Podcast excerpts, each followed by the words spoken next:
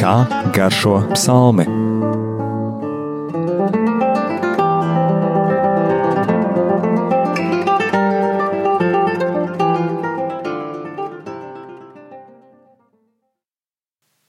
Slavēts Jēzus Kristus. Mūžīgi mūžos slavēts. Studijā Stela un Anģela. Kā tiekamies jaunajā sezonā, un šo sezonu mēģināsim iedziļināties tādā tekstā, jeb tekstos, tekstu krājumā, kurš savā ziņā ir pat tāda kā atslodze, kā atpūta pēc visa tā, ko mēs esam lasījuši un pētījuši iepriekšējās sezonās. Mēs mēģināsim saprast, kā garšo psalmi. Jo psalmi ir it kā tāda pierasta lieta, mēs viņus dzirdam svētajā misē, dažkārt palaižam gar ausīm vai pat noguļam, nu viņi tur ir, nu lai viņi tur ir, liturģiskā kārtība viņus tur ir ielikusi, nu labi. Pacietīsim, lai tikai svētā mise iet uz priekšu. Bet dažkārt gadās, ka priesteris, ka, kas svin misi, tieši kādai psalmos pateiktai domai pievērš lielāku uzmanību un no tās attīsta tālāk jau to saikni ar lasījumiem. Un psalmi izrādās nāk jau no vecās derības laikiem, tās ir, tie ir Izraēļa tautas lūkšanas, kuras viņi ir lūgušies daudzus gadsimtus. Bet kāpēc ir šis teiciens garšo? Un kā to vispār saistīt ēšanu, izgaršošanu ar dieva vārda lasīšanu, varbūt dziedāšanu, skandēšanu, jo psalmi, kā vēlāk redzēsim, viņi nav tāds vienkārši runājams teksts, bet viņi ir dziesmas un viņus Izrēļi ir dziedājuši. Psalmu krājumā mēs pat redzam, ka ir atzīme, ka tas ir eh, korim, ka tas ir dziedātāja vadonim, pat ar kādu mūzikas instrumentu tas ir jāatskaņo. Bet vispirms, kāpēc ir runa par to izgaršošanu? Lai mēs tomēr spētu pievērt psalmiem uzmanību kā dieva vārdam, kuru uzņemt sevī, sagremot un pēc tā dzīvot. Un tagad atkal ir tas riebīgais paradums man uzdot jautājumus, vai pat dieva vārda ēšana rakstos kaut kur ir tā diezgan tieši teikts. Bija. Jā, un apēda un kur apēda? Kaut kur pavisam, pavisam bībeles beigās. Atklāsmes. Jā, atklāsmes grāmatā. Tā kā gan Ecihils, gan atklāsums grāmatas autors, abi vīri ir praviešu aicinājumi. Viņiem ir praviešu aicinājums, un tieši ar to ir šī apēšana saistīta. Viņi apēd rakstu tīstokli, kuru saņem pēc dieva pavēles, vai pat kuru dod pats dievs kā Ecihēlam. Un kā tad notiek tas pie Cihela, varam arī paskatīties. Varam lasīt par to, kā Cihels piedzīvo šo pravieša aicinājumu, jo šī pavēla apēst rakstu rituli pie Cihela ir cieši saistīta ar pravieša aicinājumu. Un mēs varam lasīt Ecihela grāmata otrā nodaļa no 8. panta. Bet tu, cilvēka bērns, klausies, ko es tev saku. Nē, esi tu nepaklausīgs kā šī nepaklausīgā cilts. Atver savu muti un ēd, ko es tev dodu. Es redzēju roku, kuras stiepās pret mani. Rokā bija raksturitulis, viņš to atritināja manā priekšā, tas bija aprakstīts vienā un otrā pusē. Tur bija uzrakstītas raudu dziesmas, nopūtas un vaimanas. Un trešā nodaļā Ecihila grāmatā kungs turpina runāt uz pravieti. Un tad viņš man sacīja, cilvēka bērns ēd, kas tavā priekšā, ēd šo rakstu rituli, un tad ej un sludini Izrēla namam. Tad es atvēru muti, un viņš man deva ēst rakstu rituli, un man sacīja: Cilvēka bērns apēd šo rakstu rituli, ko es tev dodu, un pildi ar to savas iekšas. Tad es to apēdu, un tas bija manā mutē tik salds kā medus. Un šeit tālāk pravietis neko neraksta par to pārvērtību, kas ar to vārdu notiek, ka viņš ir apēsts un sagremots. Bet var noprast, ka Ecihils pašā sākumā skunga pavēles klausīšana tā ļoti nebija centrēts un pat bijās no tā, jo saprat, ka tas viss būs ļoti grūti, jo runa par stūrgalvīgiem, ietiepīgiem cilvēkiem. Nu jā, un es gribēju izlasīt Jeremija grāmatu. O, arī atrada, ka viņš kaut ko ēd. Tā par mani nāca kunga vārds. Pirms tevi radīju mātes miesās, es jau pazinu tevi. Pirms vēl tu pameti mātes klēpi, es jau svētīju tevi. Par pravieti tautām es iecēlu tevi. Es teicu, ak, kungs, Dievs, es nezinu, ko lai runāju. Es esmu vēl zēns. Kungs man teica, nesaki, es esmu vēl zēns, jo tu iesi visur, kur tevi sūtīšu, un runāsi visu, ko pavēlēšu. Nebaidies no viņiem, es esmu ar tevi. Es glābšu tevi, saka kungs. Kungs izstiepa savu roku un pieskarās manai mutē. Kungs teica, redzi, es ielieku savus vārdus tev mutē. Paldies! Tā kā šeit nav runa tieši par apēšanu tādā tiešā veidā, bet šo vārda barību, kas jāsagremo un jādod tālāk cilvēkiem, atkal redzam, kungs ieliek pravieša mutē, un pravietis tā, nu, spirinās pretī, es esmu zaļš, jauns, es nemāku, Jeremijs arī īsti tā kā negrib iet, Tā kā atkal redzam, ka šī vārda sagremošana ir saistīta ar pravieša misiju, un tas pats ir arī atklāsmes grāmatā, kur ir varants eņģelis, kas nāk no debesīm, tātad no dieva, no viņa sfērām. Tērpts mākonī un varavīksne bija virs viņa galvas, ja mēs lasām atklāsmes grāmatas desmito nodaļu.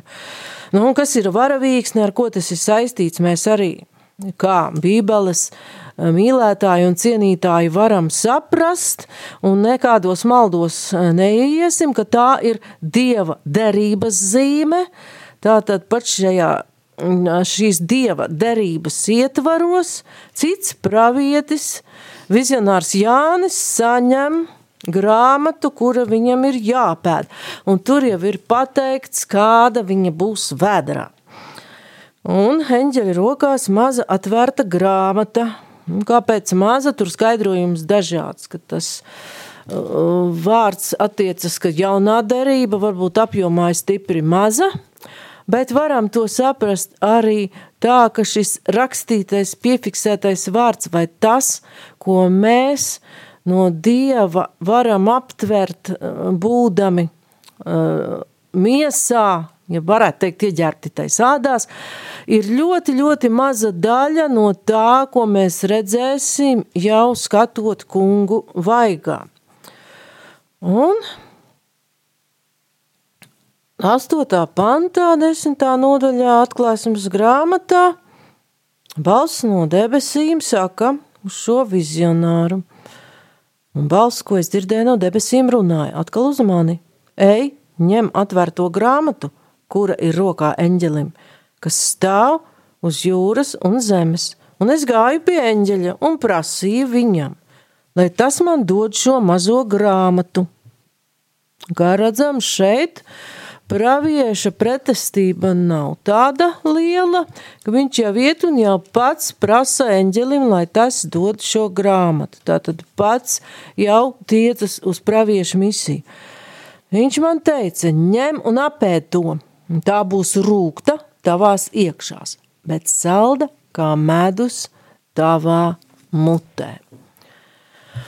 Kā te ir tas par šo dieva vārda sagremošanu, pārstrādāšanu savās iekšās, ar iekšā mēs nesaprotam fiziski visu to zarnu aparātu, bet ebreju retorikā šīs iekšas nozīmē uzņemt dieva vārdu ar visu savu būtību, pilnīgi tam pievērsties, saprast, pārstrādāt un dzīvot pēc tā, un no tā, kas tiek likt šiem praviešiem, redzam, nodot to arī tālāk cilvēkiem. Pēc pauzes mēģināsim saprast tiešām, kāpēc ir salds un rūkts.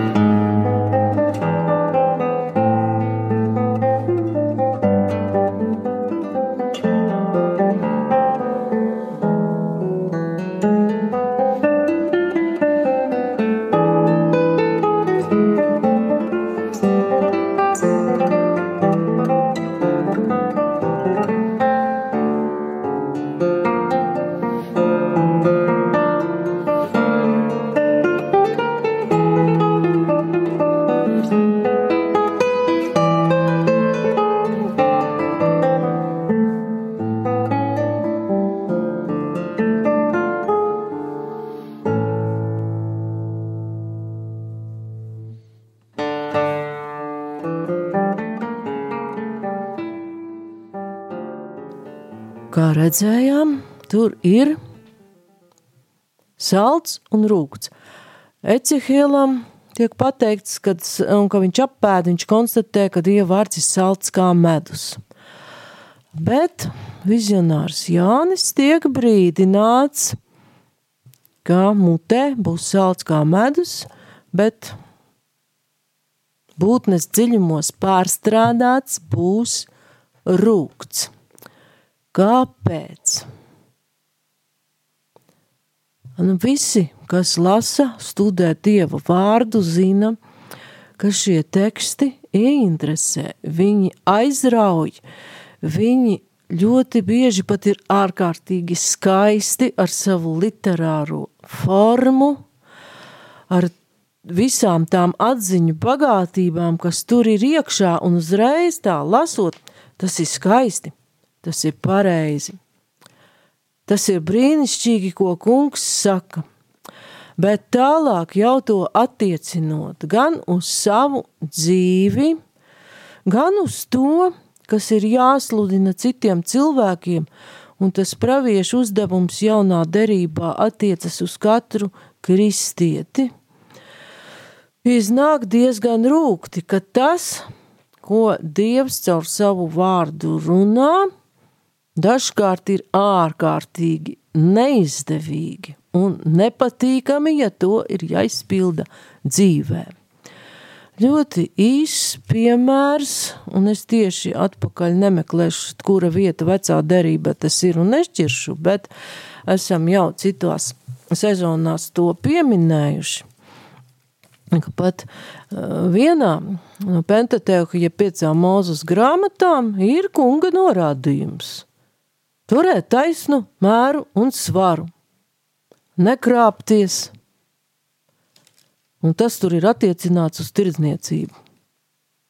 Izlasot skaisti, pareizi, bet tiklīdz to ir jāizpilda, bet tam saprotot, ka tas attiecas uz visu, ko cilvēks dara ekonomikā, ja viņš ir uzņēmējs vai arī izmaksā laikā algu, var sanākt, ka tas ir ārkārtīgi neizdevīgi, Un cilvēkam rodas jautājums, bet izpildot dievu vārdu, es taču palikšu pliks kā žurka.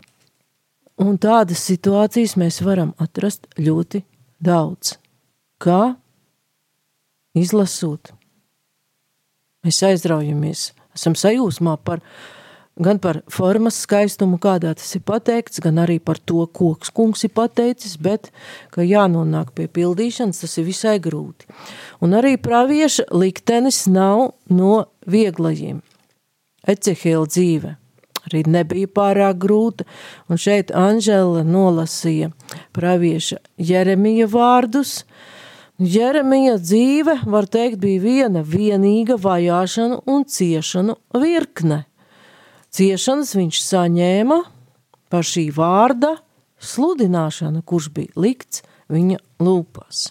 Arī Marija paturēja sirdī Dievu vārdu. Paturēja Dievu vārdu sirdī, tātad tas bija viņas iekšienē, un viņa to paturēja sirdī un arī saprata, ka dēla dzīves galā būs lielas ciešanas. Arī, eh, kad eh, Jēzus tika eh, kārdināts tuksnesī, tad viņš arī atbild, cilvēks nedzīvo no maizes vien, bet no ikviena vārda, kas nāk no Dieva mutes Mateja evaņģēlē 4. nodaļā. Un ko Jēzus atkārto? Viņš Mateja evaņģēlijā arī sātanam aizbāž muti ar kādu barību. Tie vecās derības vārdi no atkārtotā likuma grāmatas astotās nodaļas. Cilvēks nedzīvo no maizes vien. Tā kā tur viņš šo dieva vārda barību izmanto, ar to, teikt, aizliek sātanam muti, viņam nav vairs ko teikt. Un par šo barības dažādību, šo garšu dažādību, ja mēs ēstu tikai saldu vien, pat fiziskā izteiksmē nebūtu pārāk labi. Slikti beigtos. Arī, lai uh, saprastu un uh, saskatītu Dieva vadību, Dieva žēlastību, Dieva to mīlestību, nepieciešams kaut kādi pārbaudījumi, ja? un uh, tad mēs redzam to Dieva darbību. Un te jau mēs nonākam no Anģelas teiktā līdz psalmiem, jo psalmi ir piecas grāmatas par dieva darbību, sākot no milzīga liela prieka, beidzot līdz dziļām ciešanām, kas notiek veselas tautas un notiek cilvēka dzīvē. Un psalmi, kaut gan viņi runā par cilvēku individuāli, arī par izredzēto tautu un arī par draudzi vecās derības izpratnē viņi vairāk tomēr runā par konkrētā cilvēka izjūtām un par viņa attieksmi pret Dievu un var teikt arī par viņa attiecībām ar Dievu. Un, ja vēl padomājam par to, kāda nozīme ir Dieva vārdam, skaitā arī psalmiem, Vatikāna otrā koncila dokuments, dogmatiskā konstitūcija Dēļ verbum numurā 21 atzīst, ka kunga vārds ir tikpat godājams kā kunga miesa, un svētajā misē mēs saņemam gan vārda, galds ir gan uh, vārdu, gan kunga miesas galds. Un tagad jau iesim tuvāk psalmiem. Tie ir sarakstīti diezgan lielā laika posmā, un ir gan tā iesākts teikt ķēniņa Dāvidas psalmi. Bet vai autors visiem ir Dāvids? Nav. nav. Pilnīgi pareizi. Visus nav uzrakstījis ķēniņš Dāvids, bet diezgan daudzus viņš ir uzrakstījis. Un tur nu, tās eksigēta domas dalās, kad pēc viena ir 72 vecās darības tekstā, bet latīņu tulkojumā Septakvintā it kā ir um, drusku pāri 80 Dāvida rakstīti, bet ir vēl arī citi autori, kā ir tāds Koraha dēlu dziesmas, kā 108. līdz 110. Ah, tur bija 108. līdz 110. tieši bija Dāvids uzrādīts. Etana psalmi ir kā 89. Asafa, Hemana, Arī uz mūzu ir atsaucas mūzus dziesma 90. psalms. Un, kā jau minēju, 108. līdz 110. ir uzrādīti tieši kā Dāvida psalmi. Nu, un arī psalmu grāmatu sākumā jau Ceturtais psalms, dziedātai vadonim citars pavadībā Dāvida dziesma. Trešais psalms, Dāvida dziesma, tur pat ir pateikts, kādos apstākļos tā rakstīta, kad viņš bēga no sava dēla Absaloma. Tur varam domāt, ka autors tik tiešām ir pats ķēniņš Dāvids. Nu, tā tad senākie, pat kas attiec uz ķēniņu Dāvidu, varētu būt tapuši ap tūkstošo gadu pirms mūsu ēras, un jaunākie jau tur kāds otrais gadsimts pirms Kristus. Nu, apkopoti viņi ir tieši krājumā, kādu mēs pazīstam, apmēram no 4. gadsimta pirms Kristus līdz 1. gadsimtam pēc Kristus. Sadalīti viņi ir piecās grāmatās, un ko tas mums atgādina? Toru. Pilnīgi pareizi. Un tieši tā tas arī ir domāts. Tā ir izrēliešu dziesmu un lūkšanu grāmata Sefer Tehilīm, jeb slavinājuma grāmata. Katras grāmatas beigās ir slavas dziesma kungam, slavēšanas vārdi, jeb, kā to saka, grieķiski doksoloģija. Psalmos grieķiski dziesma. Saltērijum latīniski, psaltērijum apzīmē vēl arī tādu tajā laikā lietotu stīgu instrumentu. Tātad dziesmu krājums, un ja mēs apskatīsim vairākas šīs dziesmas, jau redzēsim, ka viņas tik tiešām ir tikušas izpildītas arī kopā ar dažādiem instrumentiem. Atradīsim, gan ar stabulēm, ar cītaru. Un tātad tā instrumenta izvēle, kas varbūt tādam ļoti konservatīvam katolim, kas ciena tikai un vienīgi ērģels, liktos šausmas un ārprāts. Izrādās, ka ir bijusi diezgan liela dažādība instrumentu izvēlē, un acīm redzot, ir dziedāts ansamblī ir bijuši vairāki dziedātāji, ja jau ir šis korvedis, jeb dziedātāju vadonis. Un arī mūsdienās Katoļu baznīcā psalmiem ir tāds skandēšanas veids, ka tur jāievēro attiecīgās eh, ritms, pauzes, arī kad it kā vārds jānobeidz uz augšu, un arī kad šis eh, vārda tonis var iet uz leju. Un, piemēram, pareizticīgajā baznīcā psalmu dziedāšana ieņem ļoti nozīmīgo vietu, jo tur dievkalpojumos nav ērģeļi. Viņiem vispār ērģeļi nav, bet brīnišķīgi dzied psalmus. Tātad piecas grāmatas, un vēl psalmi ir. Viņi tur netiek pēc tās tematikas iedalīti, pēc kārtas katrā grāmatā var atzīt, daža, atlasīt dažādas tēmas, bet kādas ir galvenās tēmas, jeb grupas šiem psalmiem? Ir raudu dziesmas, kā 13. psalms un 44. psalms, un pie tām 13. psalms ir viena cilvēka tā ciešanu izpaudums, bet 44. psalmā jau savas ciešanas izsaka visa draudze, ir himnas, kā 8. psalms un 115.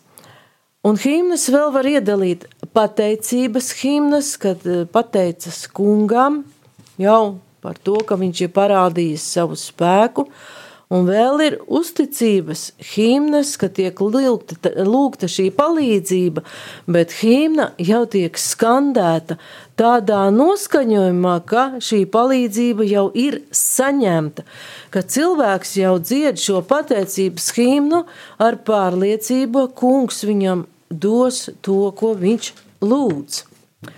Vēl ir ķēnišķie psalmi, kā 2, 18, 20, 72, 89 un tā tālāk, ka ķēniņš tiek skatīts kā dieva pārstāvis. Un ka ķēniņš ir dieva svaidītājs, to mēs redzam pat rietumu kristīgajā kultūrā, ka ķēniņus kronē, ķēniņus valdnieks imperators kronēja garīgās amatpersonas dievnamā. Un jāatceramies, ka arī Saulu izvēlējās pats dievs, un vēlāk dievs viņu arī atmeta uh, konkrētu nodarījumu rezultātā. Un arī Dāvidu izredzēja pats dievs, un pravietis Samuēls viņu svaidīja kunga vārdā. Tātad ķēniņš, kā dieva pārstāvis, kā dieva iecelts un dieva uzticēta uzdevuma veicējs. Vēl ir kronēšanas psalmi. 29, 47, 93, 95, 99. Un kā viņi ir radušies un tikuši lietoti, par to nedaudz domas dalās. Iespējams, ka tie ir dziedāti ķēniņu kronējot, vai arī attiecas uz jaungadas svinībām, kad tiek kā ķēniņš godināts pats Jahve, dievs, kas atrodas tronī. Vēl ir arī gudrības psalmi, kā pirmais, 119, 19, 37, 49, 73. Un ir svētceļnieku psalmi, baukšu kāpšanas psalmi, 84, 122 kuri tiek saistīti ar izradzētās tautas ceļošanu uz Jeruzalemes svētceļojumā, jo atceramies, kā arī kā tur bija, ka Jēzus paklīda no vecākiem svētceļojumā un palika templī. Tātad viņš kopā ar vecākiem un visu lielo radu saimi veica šo svētceļojumu uz Jeruzalemi, un varbūt arī viņi kādu no šiem psalmiem ir ceļā skandējuši, to mēs nezinām. Un tagad jau izskanot raidījumam, nedaudz varam iesākt psalmus aplūkot ar pirmo psalmu. Un sezonas laikā centīsimies iedziļināties vairākos psalmos no katras šīs psalmu grupas, lai mēs varētu saprast, kā to autori ir jutuši prieku, dieva, eh, saskatījuši dieva gudrību savā dzīvē, kā viņi ir skumuši, kāpēc viņi ir pat piesaukuši lāstus par ienaidnieku, kā mēģināsim iekāpt viņu kurpēs un saprast, kā tas attiecas uz mums, uz mūsu dienām, un notikumiem ap mums un mūsu attieksmi pret tiem. Pirmais psalms ir diezgan īs, autors nav nosaukts, un mēs to varam uzreiz redzēt, ka tas ir pieskaitāms pie gudrības psalmiem. Un pēc stila viņš ir nedaudz līdzīgs tam izteiksmes veidām, kāds atrodams Salamana gudrības grāmatā, kura ir tapusi ap 200 gadu pirms Kristus. Un parāda šos divus ceļus, kādus cilvēks var izvēlēties. Bet vairāk psalma saturā mēs iedziļināsimies jau nākamajā raidījumā. Paldies par uzmanību. Studijā bija Stela un Anģela.